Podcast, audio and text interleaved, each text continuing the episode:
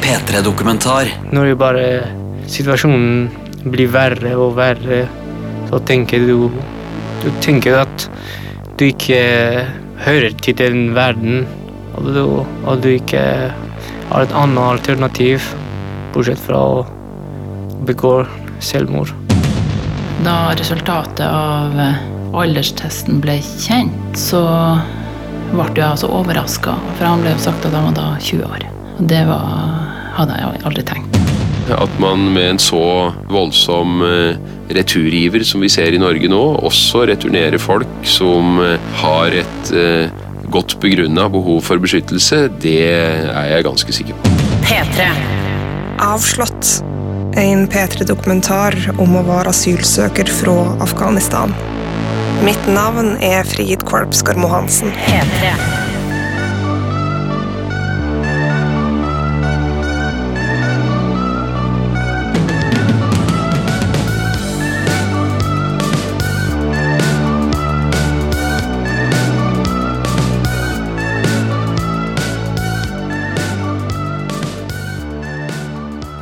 Jeg vet ikke hvilken skjebne jeg skal få, men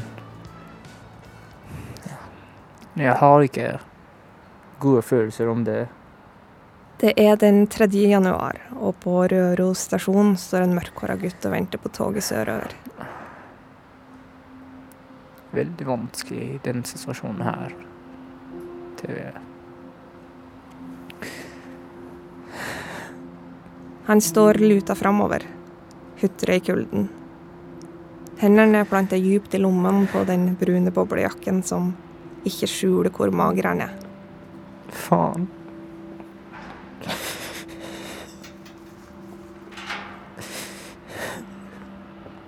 Navnet til denne gutten er Mujid. Han er 17 år, i alle fall ifølge seg sjøl. UDI mener at han er 20, og det er en av grunnene til at han har fått avslag på asylsøknaden. Men han bor enda på mottaket for mindreårige asylsøkere her på Røros. Han har iallfall bodd her fram til i dag.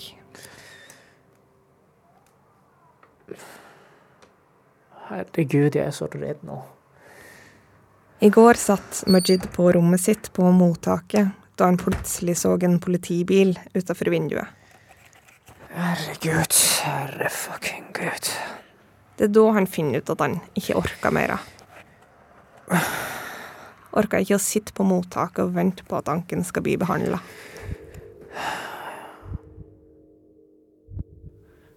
Jeg, jeg fikk en sånn frykt på meg, hengende på meg. Og sånn, OK, hva skal du gjøre etterpå? Skal du vente eh, på mottaket og bli hentet av politiet en dag?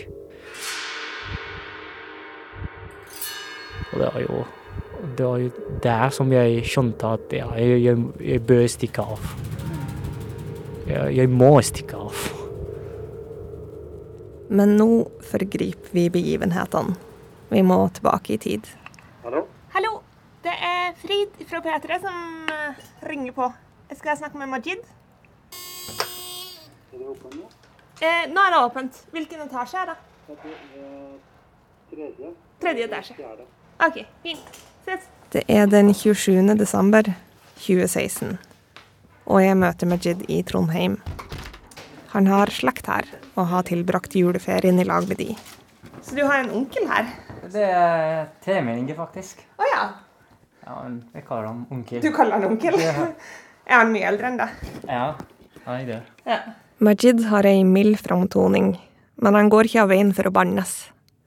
Han sier at det henger i hop med at han er fra Nord-Afghanistan. Det er veldig vanlig å banne, og hvis du ikke banner det, så er det litt rart, liksom. Når vi snakker om andre ting enn frykten for å bli hiva ut av landet, er Majid òg en ganske lystig fyr. Han elsker realfag, YouTube-kanalen Grade A Under A, Å, fy søren! Det Han liker òg ganske mye norsk musikk.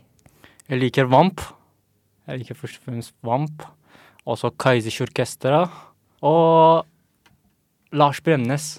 I dag er stemninga dog mer alvorlig, for om det ikke var for at Majid hadde anka, skulle han ha blitt returnert til Afghanistan akkurat i dag, tredje juledag.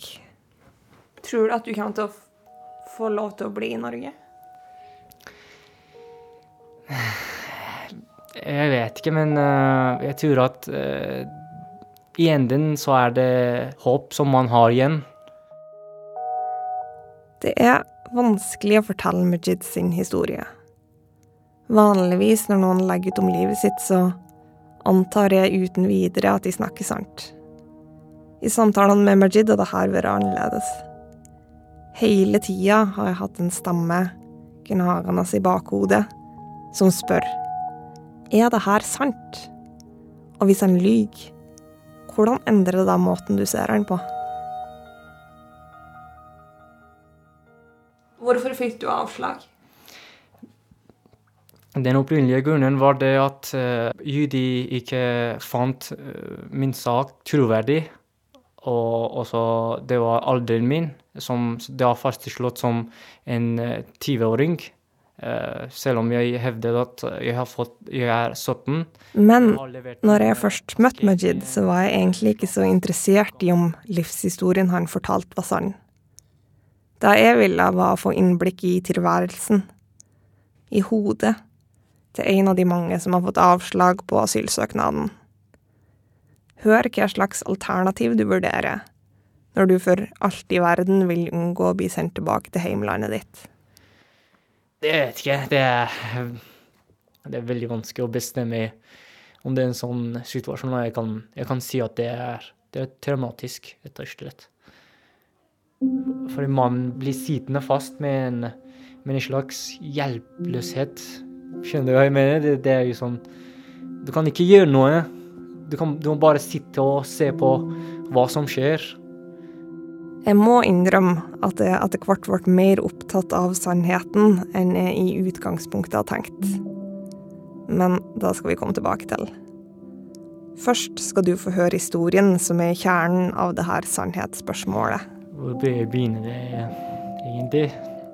I likhet med de fleste livshistorier er Majids beretning lang, så jeg skal bare gjengi den i korte trekk. Det hele starter når han bare er en liten gutt. Jeg var bare ni år gammel. Og en mektig mulla i området vil at søstera til Majid skal bli kone nummer tre til hans sønn. Hun er 18. Majids far nekter. Nå at han allerede hadde to koner. Han lar i stedet en annen mann, en tolk, gifte seg med dattera. Det her blir dårlig mottatt. Og Majid forteller at han og broren blir kidnappa like etterpå. Det var et mørkt hus. Det luktet som råtne fisk. De to blir utsatt for så grov tortur at broren dør, mens Majid så vidt kommer fra det hele med livet i behold. Siden de hendelsene så, så klarer jeg ikke å bare vise mine følelser så godt. Fordi jeg Fordi jeg føler meg sånn at jeg kanskje De er død, mine følelser. Han viser med arr ulike steder på kroppen som han sier stammer fra denne mishandlinga. Ja. Ja. Oi, ja, det er et ganske stort her, faktisk. Etter kidnappinga blir Majid holdt hjemme på gården. Han slutter å gå på skolen og får i stedet undervisning hjemme av faren og svogerbroren, han som er tolk. I årene som kommer, fortsetter konflikten med den mektige mullaen å eskalere. Han kom til faren min og han sa at du må gi oss gården din, fordi vi skal eh, bygge et muske på gården din. Men eh, faren min sa nei. Og han sa OK, eh, er du en sånn vantro? Majid forteller at mullaen brukte flere år på å ødelegge ryktet til faren, Ved å si at han er en vantro. sånn at han kunne ta livet av han med en religiøs begrunnelse. Han ville bare ta hevn. Ifølge Majid er det det som òg til slutt skjer. Både faren og søsteras mann tolken blir drept. Oh, det, det var det som, som vi bestemte å bare flykte fra nordområdet og komme til Kabul. Det som da er igjen av familien, er mora, Majid, søstera Suela og hennes datter Hadje. De drar altså til Kabul, der Suela føder sin andre datter. Etter ei stund blir de imidlertid oppsøkt av mullans menn og hær. Majid sier han ikke var til stede, men fikk gjenfortalt samtalen av mora etterpå. Mora mi sa at, at, at Maula Bilal har krevd at mora mi giftet seg med ham, og, og dattera si med sønnen, sønnen hans. Og han trodde at han skulle eh, drepe meg om, eh, om vi ville ikke gi etter deres krav. De flykter videre, først til Pakistan, så til Iran. Majid er da 15 år, blir 16 senere det året. Så her betaler man liksom smuglere for å komme over. Ja. Jeg leter fram et atlas, så Majid kan vise meg reiseruten på kartet. Så det er de verste grensene fra Pakistan fra Iran, og så fra Iran til, eh, til Tyrkia. Okay. Grensen mellom Iran og Tyrkia krysses i lag med mange andre flyktninger. Kanskje har jo 50-60 stykker. Det er her det ifølge Majid går galt. Noen begynner å skyte på dem. Politi eller militær, han vet ikke. Men han får i alle fall panikk. Springer alt han klarer og gjemmer seg. Ikke sant? For å ikke bli tatt av den politiet, for den politiet i Iran er jo, er jo dritforferdelig. Når ting har roa seg, sier Majid at han ikke klarer å finne igjen familien sin. Og han drar til slutt videre uten dem. Jeg får den tanken at kanskje Kanskje familien min eh, Ja. Nei, jeg vil ikke tenke på den. Jeg vil ikke tenke på den nå. Du vil ikke tenke på at de kanskje er borte? Mm.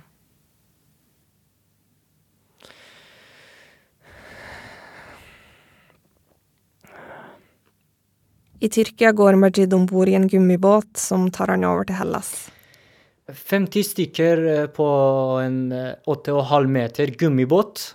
Det er så jævlig kaotisk, du. Så Deretter krysser han en hel haug med europeiske grenser. Grensen til Serbia går i stummende mørke over ei myr. I hvert skritt synker han ned til knærne. Han skvetter til når noen plutselig legger ei hånd på skuldra hans og spør. Where are you going? Og jeg var sånn, ja, jeg, jeg klarte ikke å snakke, jeg ble skikkelig stum. Men Majid, han slipper forbi. Og han vet òg hvor han skal. Målet da har hele veien vært Norge, siden familien har slekt i Trondheim. Den 13. oktober 2015 satte han seg på et tog i Sverige, krysser sin siste grense og går av på Oslo S.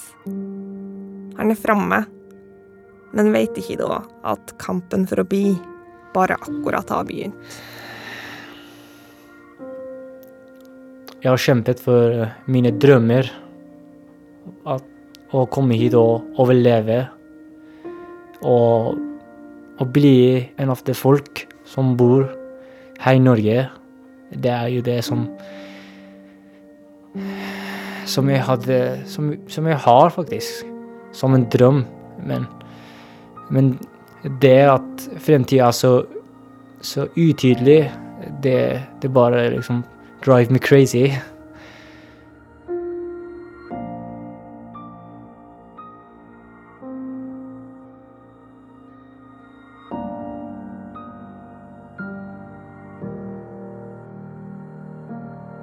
Hva skal jeg gjøre uten havet? Skal bære båtene? Som du hører, har Majid blitt veldig god i norsk på det snart halvannet året han har vært her. ja. Hva skal vi gjort uten havet? Skal vi bære båten? båtene. Ah! Hva skal vi ha gjort uten havet? Skal vi bære båten? Nei, båtene! Det er vanskelig, vet du. Så flink er han at han allerede høsten 2016, etter mindre enn ett år i Norge, begynte i en vanlig norsk førsteklasse på Røros videregående skole. Vi var bare seks gutter i klasse og 14 jenter i klasse. og Det var jo litt rart for meg, faktisk, å være med, med så mange jenter på, på samme klasse. Det er jo vanskelig fortsatt for meg å snakke i en sånn situasjon som, som jente sitter og hører på deg, og det er jo flaut, rett og slett. Til tross for at han i starten blir stum hver gang han prøver å snakke foran ei jente, klarer han seg godt. Til jul får han seks i matte, fem i engelsk og fire i norsk. Og jeg var så kjempeglad. Jeg var sånn Ja! Jeg fikk det til, liksom. Men så, like etterpå, får Majid en kort beskjed fra advokaten sin. Han har fått avslag på asylsøknaden. Da faller alt i grus. Jeg har klart så lenge å finne meg så mange gode venner. Og bli integrert i samfunnet.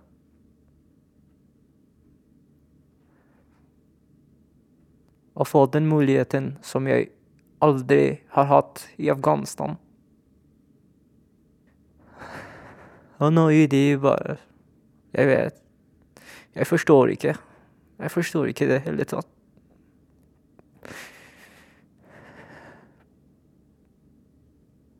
Jeg forbanner skjebnen min.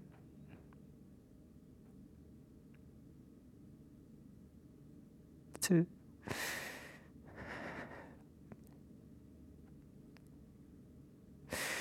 Hadde jeg ble fått i i feil land.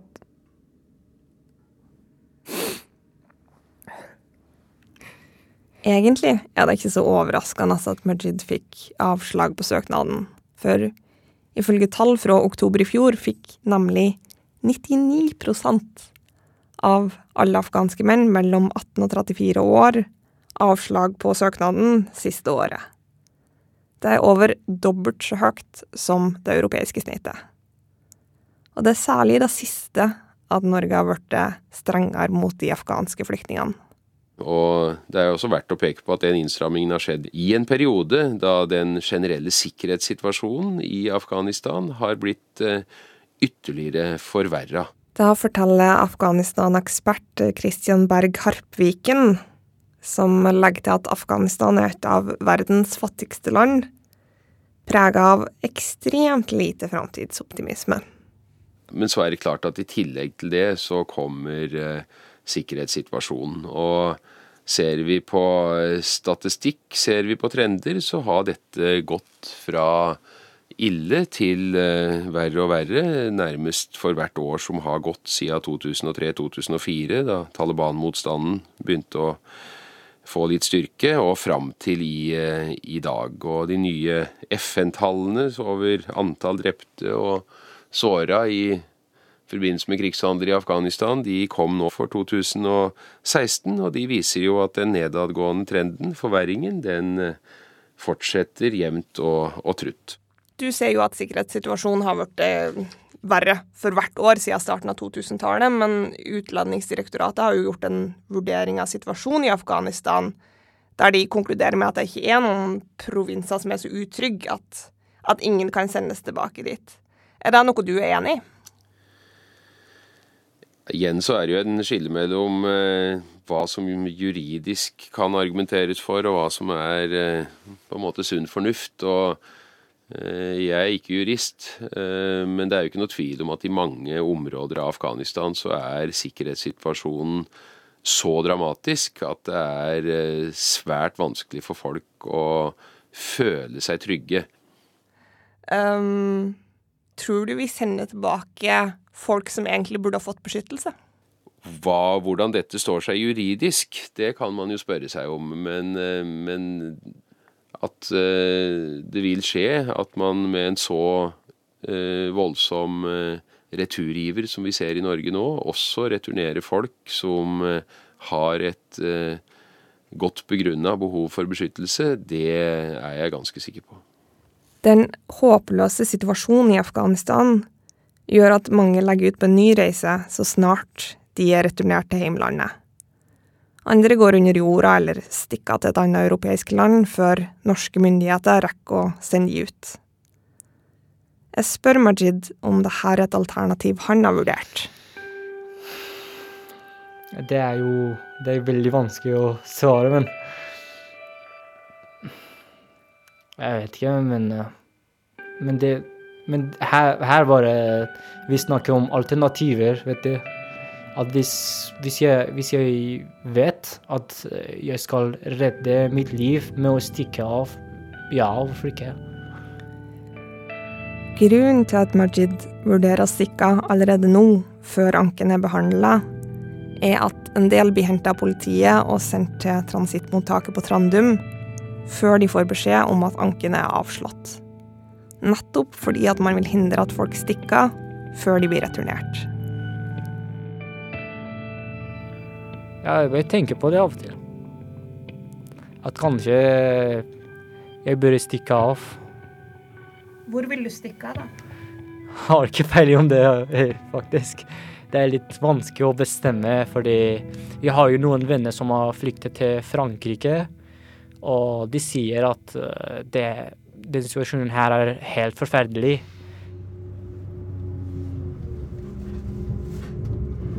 Ja, hallo, hallo. Da vil jeg få lov til å ønske nye reisende fra Røros velkommen til Den 3. januar forlater Majid mottaket på Røros uten å si ifra til noen. Han kjøper en togbillett og går om bord på toget sørover. Toget her har vi en eh, varmdrikksautomat, og vi har en Jeg skjønner raskt at noe er galt, for Majid blir brått vanskelig å få tak på. Og seinere så får jeg vite hva som skjedde. Etter juleferien så har ikke Majid lyst til å reise tilbake til Røros, Fordi det var skummelt. men slektningene de sier at han må. De er redd det vil ødelegge for anken om Majid ikke returnerer til mottaket. Og jeg sa at nei, jeg vil ikke det, men han sa at nei, du må. Med en gang Majid er tilbake på mottaket, kommer angsten krypende. Han er livredd for at politiet skal komme og hente han. Det var som en sånn trussel på huet mitt. Ja, du må, du må gjøre det, eller ellers så får du dårlig resultat. Du kan bli hentet av politiet, som du så. Ikke sant? Derfor tar han toget til Elverum, der han kjenner noen han kan overnatte hos. De ansatte på mottaket ringer og ber han om å komme tilbake. Jeg vil ikke komme tilbake, selv om, selv om jeg dør. nei. Majids slektning i Trondheim prøver òg å ringe, men Majid tar ikke telefonen.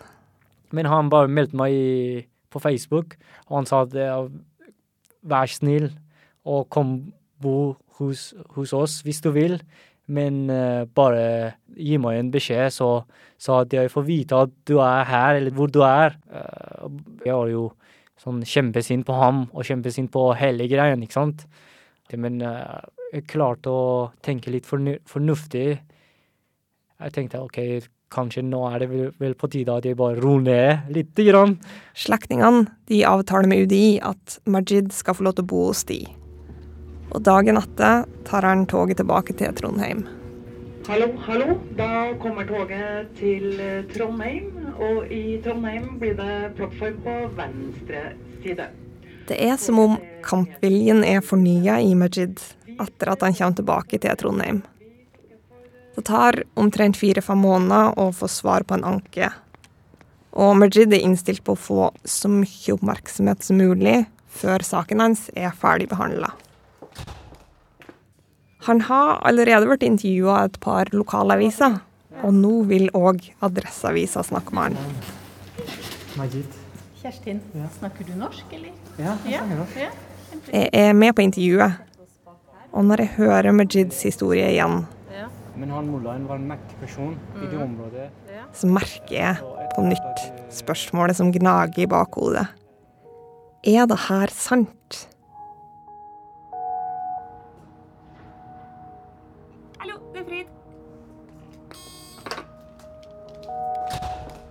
Den gnagende stemmen gjør at jeg noen dager seinere bestemmer meg for å snakke med ei som har kjent Majid lenger enn jeg har gjort, for å høre hva hun tenker om hans troverdighet.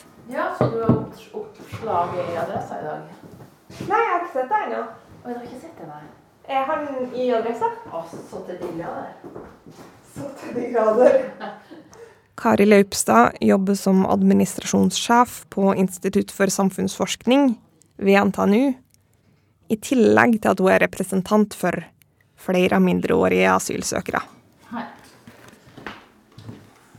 Og gjett hvem, hvilket bilde som er på første sida i Adresseavisa i dag. Det er oh, ja. Det er på første sida, ja. Svært oppslag. Kari var òg Majids representant, helt til han fikk fastsatt alderen til 20 år. Hva er årsskrifta? Um, fikk avslag etter alderstest. Det er jo litt sånn Det er ikke mye med Det er vel ikke bare derfor. Nei, men jeg kan si at det som eh, Han fikk avslag fordi de ikke trodde på han, for rett og slett. Verken Mm. på alderen eller på noe Ja, de, de har ikke De tror ikke på noen ting, Nei, egentlig. ikke på noen ting. Nei. Kari møtte Majid første gang høsten 2016, og hun sier at hun aldri stilte spørsmålstegn ved om han var under 18 år. Sånn at eh, da resultatet av eh, alderstesten ble kjent på eh, under intervjuet, så ble jeg altså overraska over at det var såpass eh, hva skal jeg si, bombastisk i forhold til eh, fast, den, alderen som ble fastsatt. da, For han ble jo sagt at han var da 20 år. Og det var, hadde jeg aldri tenkt. Hun nevner òg at intervjueren fra UDI syntes det var vanskelig å vurdere Majid sin alder. Så hun sa noe sånn som at han kan være over 18, men han kan også ha den alderen som han oppgir. Så, så det er jo litt sånn at uh, tvilen har ikke kommet han til gode på noe sett og vis i forhold til det med alder. Kari sier at hun i etterkant har tenkt mye på om historien Majid forteller, er sann. Ja, jeg har tenkt mye på det. Eh, Men eh, du kan si at det jeg ikke tviler på, det er at han har ingenting å dra tilbake til. Han har ingenting i Afghanistan. Hvorfor tror du det? Han har jo sår, både på sjela og på kroppen, eh, som eh, handler om den historien som han forteller. Så eh, ja, jeg har valgt å tro han på, på selve historien hans, ja. Hun forklarer at Majid flere ganger har brutt sammen når hun har spurt om historien hans. Det tenker jeg Klarer du å mobilisere så mye fortvilelse Hvis det ikke hvis det ikke er stor grad av sannhet i det? Han sier jo at noen føler seg nummen når han forteller historien sin, og han har jo ikke på en måte vært på gråten når han har snakka med meg. Nei. Nei, men nå har han fortalt den så mange ganger. Men han, øh, han, opp, men han framstår som ekte. Ja. Syns du ikke det? Jo, han gjør det, men tingen er jo at han kommer jo fra et land der jeg tenker det er så mange som har en forferdelig historie. Ja. Jeg tenker at Han kan jo framstå Fortvilelsen hans og alt det der kan jo på en måte være ekte. Og så kan historien være usann, på et vis. Ja. Spørsmålet om Majids troverdighet vekker en masse motstridende følelser i meg. På den ene sida så tror jeg ikke at jeg har kommet til å ha hatt noen skrupler med å lyge. I alle fall pynt på sannheten, dersom jeg så det som nødvendig. Samtidig tenker jeg de som lyver, ødelegger systemet for de som forteller sannheten. Og løgn kan derfor ganske enkelt ikke aksepteres. vi må snakke om noe som er litt vanskelig. Som jeg syns er litt vanskelig. Um, jo, og du kommer sikkert òg til å synes at det er litt vanskelig. Jeg bestemmer meg for at jeg må være åpen med Majid om tvilen jeg føler. Jeg vil jo gjerne tro på det. Tro på alt du sier til meg.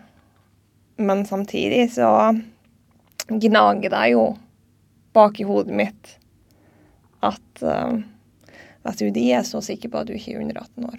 Og nå har jo jeg òg møtt det og vært litt kjent med det. Jeg tenker sånn Ja, men han kan jo, kan jo godt være over 18 år. Det vil jo ikke overraske meg. Og hvis han lyver om alderen sin, hva annet lyver han om? Kan jeg tro på noe han, han sier hvis, hvis han lyver om alderen sin? Hva tenker du når du hører meg si det?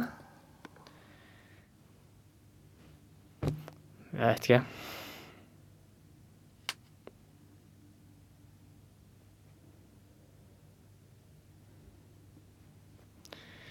Hvis du ikke tror på meg, så går det greit. Jeg vet ikke hvordan du kan bare stole på UD så mye. Fordi i det siste har de fått masse kritikk om den alderstesten.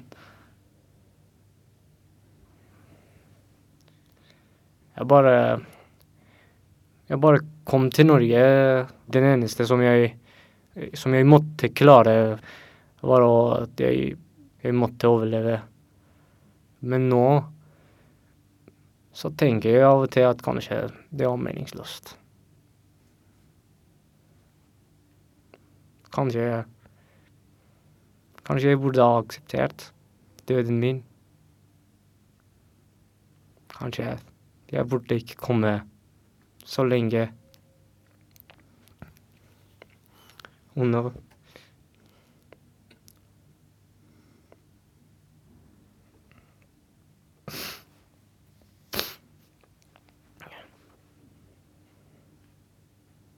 Hva tenker du? Tenker at at jeg at jeg er jo veldig uheldig i livet mitt. Jeg har aldri fått en rettferdig mulighet. Og nå er jeg her igjen, og du sier, og UD sier at de ikke tror på meg. Jeg vet ikke hva jeg skal gjøre. Kanskje jeg bare drar tilbake til Afghanistan, uansett hva skjer. Uansett jeg dør. Det er det som jeg Som jeg kjempet mot siden jeg flyktet fra Afghanistan for å unngå at jeg blir drept, men, men hver dag så ser jeg at jeg kanskje bare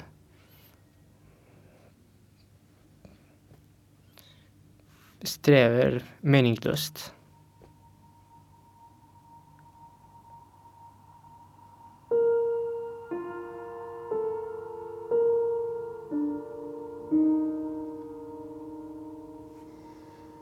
Jeg vil ikke det, at andre tenker det. At jeg har gitt opp. Nei. Men det er jo, det er jo en tanke, det er jo noe som du får etter hvert. Du kunne ikke la være å tenke på det. Når jeg bare Situasjonen blir verre og verre, så tenker du Du tenker at du ikke hører til den verden. Og du, og du ikke har et annet alternativ, bortsett fra å begå selvmord. Men etter hvert så aksepterer du det, og du sier OK, kanskje Kanskje det livet nå, det var ikke Det var ikke for meg fra først. Kanskje jeg var bare en feil som nå må rettes. Og du tenker sånn Fordi du Fordi du, du får skjønne etter hvert at uansett hvor mye du Hvor mye du du, du strever, du prøver, men, men svaret blir alltid én ting. Svaret er alltid én ting.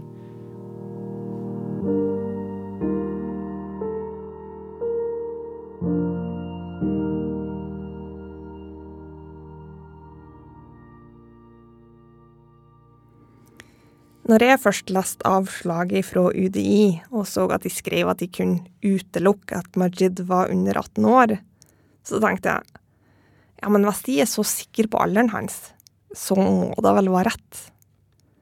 Alderstesten den høres så vitenskapelig ut òg. Man tar røntgen av hånd og tenner, og så bestemmer man alderen ut fra modenhetsgrad på skjelettet. Men så ringer barnelege Ellen Annekstad Hei, Ellen. Det er Frid som ringer. Og da skjønner jeg at det ikke er så enkelt. Han eh, lager dokumentar om han er eh, afghaner, og UDI har anslått han til å være 20 år. Er det da mulig at han kan være 17 år, sånn som han sier sjøl? Ja, ja. Ja, da sier du uten ja det, det, altså det kommer jo an på hva de er basert det på. Men hvis de er basert på skjelett, altså på aldersundersøkelsen, Ja. Som jeg vil anta at de har, Ja, det har de. Mm.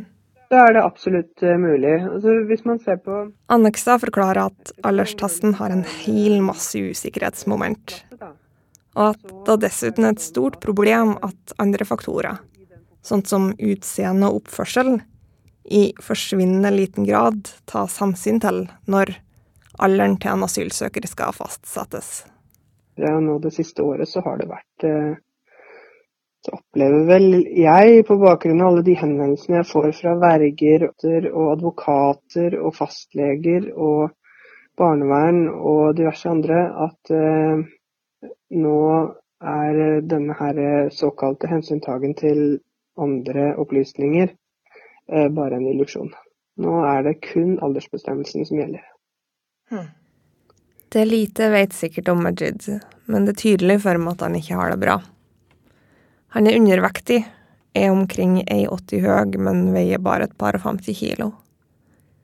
Psykologen hans på Røros har gitt han diagnosen posttraumatisk stresslidelse, og sier at han har behov for langvarig behandling.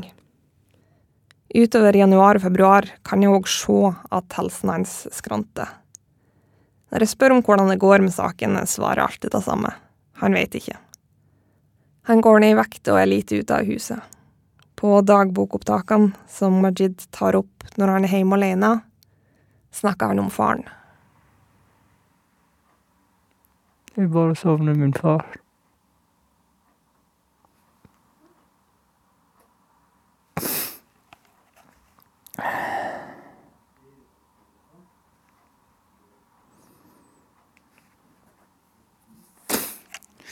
Jeg ønsker noen ganger at jeg var på hans grav i Afghanistan. At jeg kunne snakke med ham.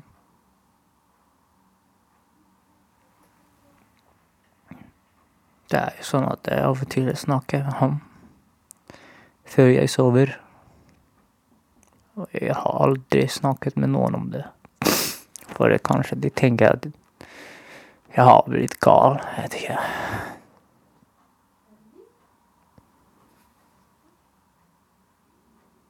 Jeg vet ikke Hva skulle han sagt om han var her i dag? Skulle han bli stolt av meg? Kanskje han skulle klemme meg og, og si at sønnen min Jeg vet ikke. At sønnen min alt blir bra.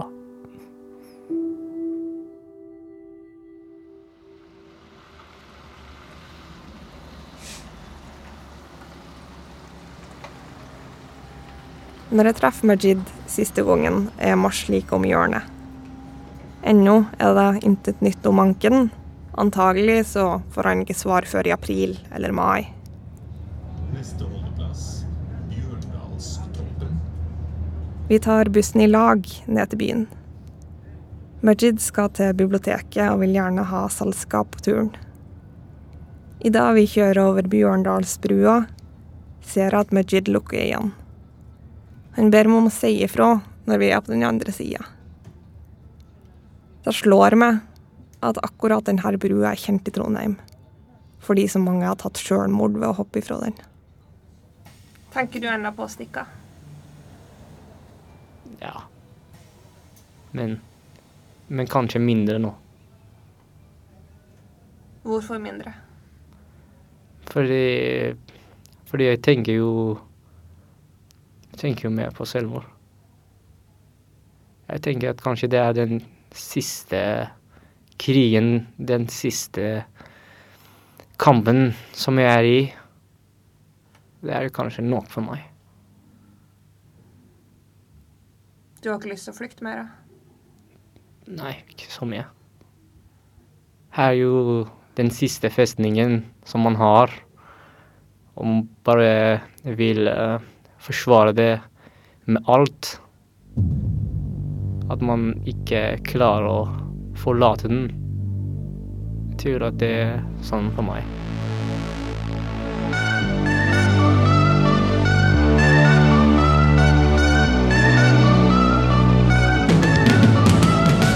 P3-dokumentar søndag klokka ni på P3. Se, les og lytt mer om denne historien når du vil på p3.no.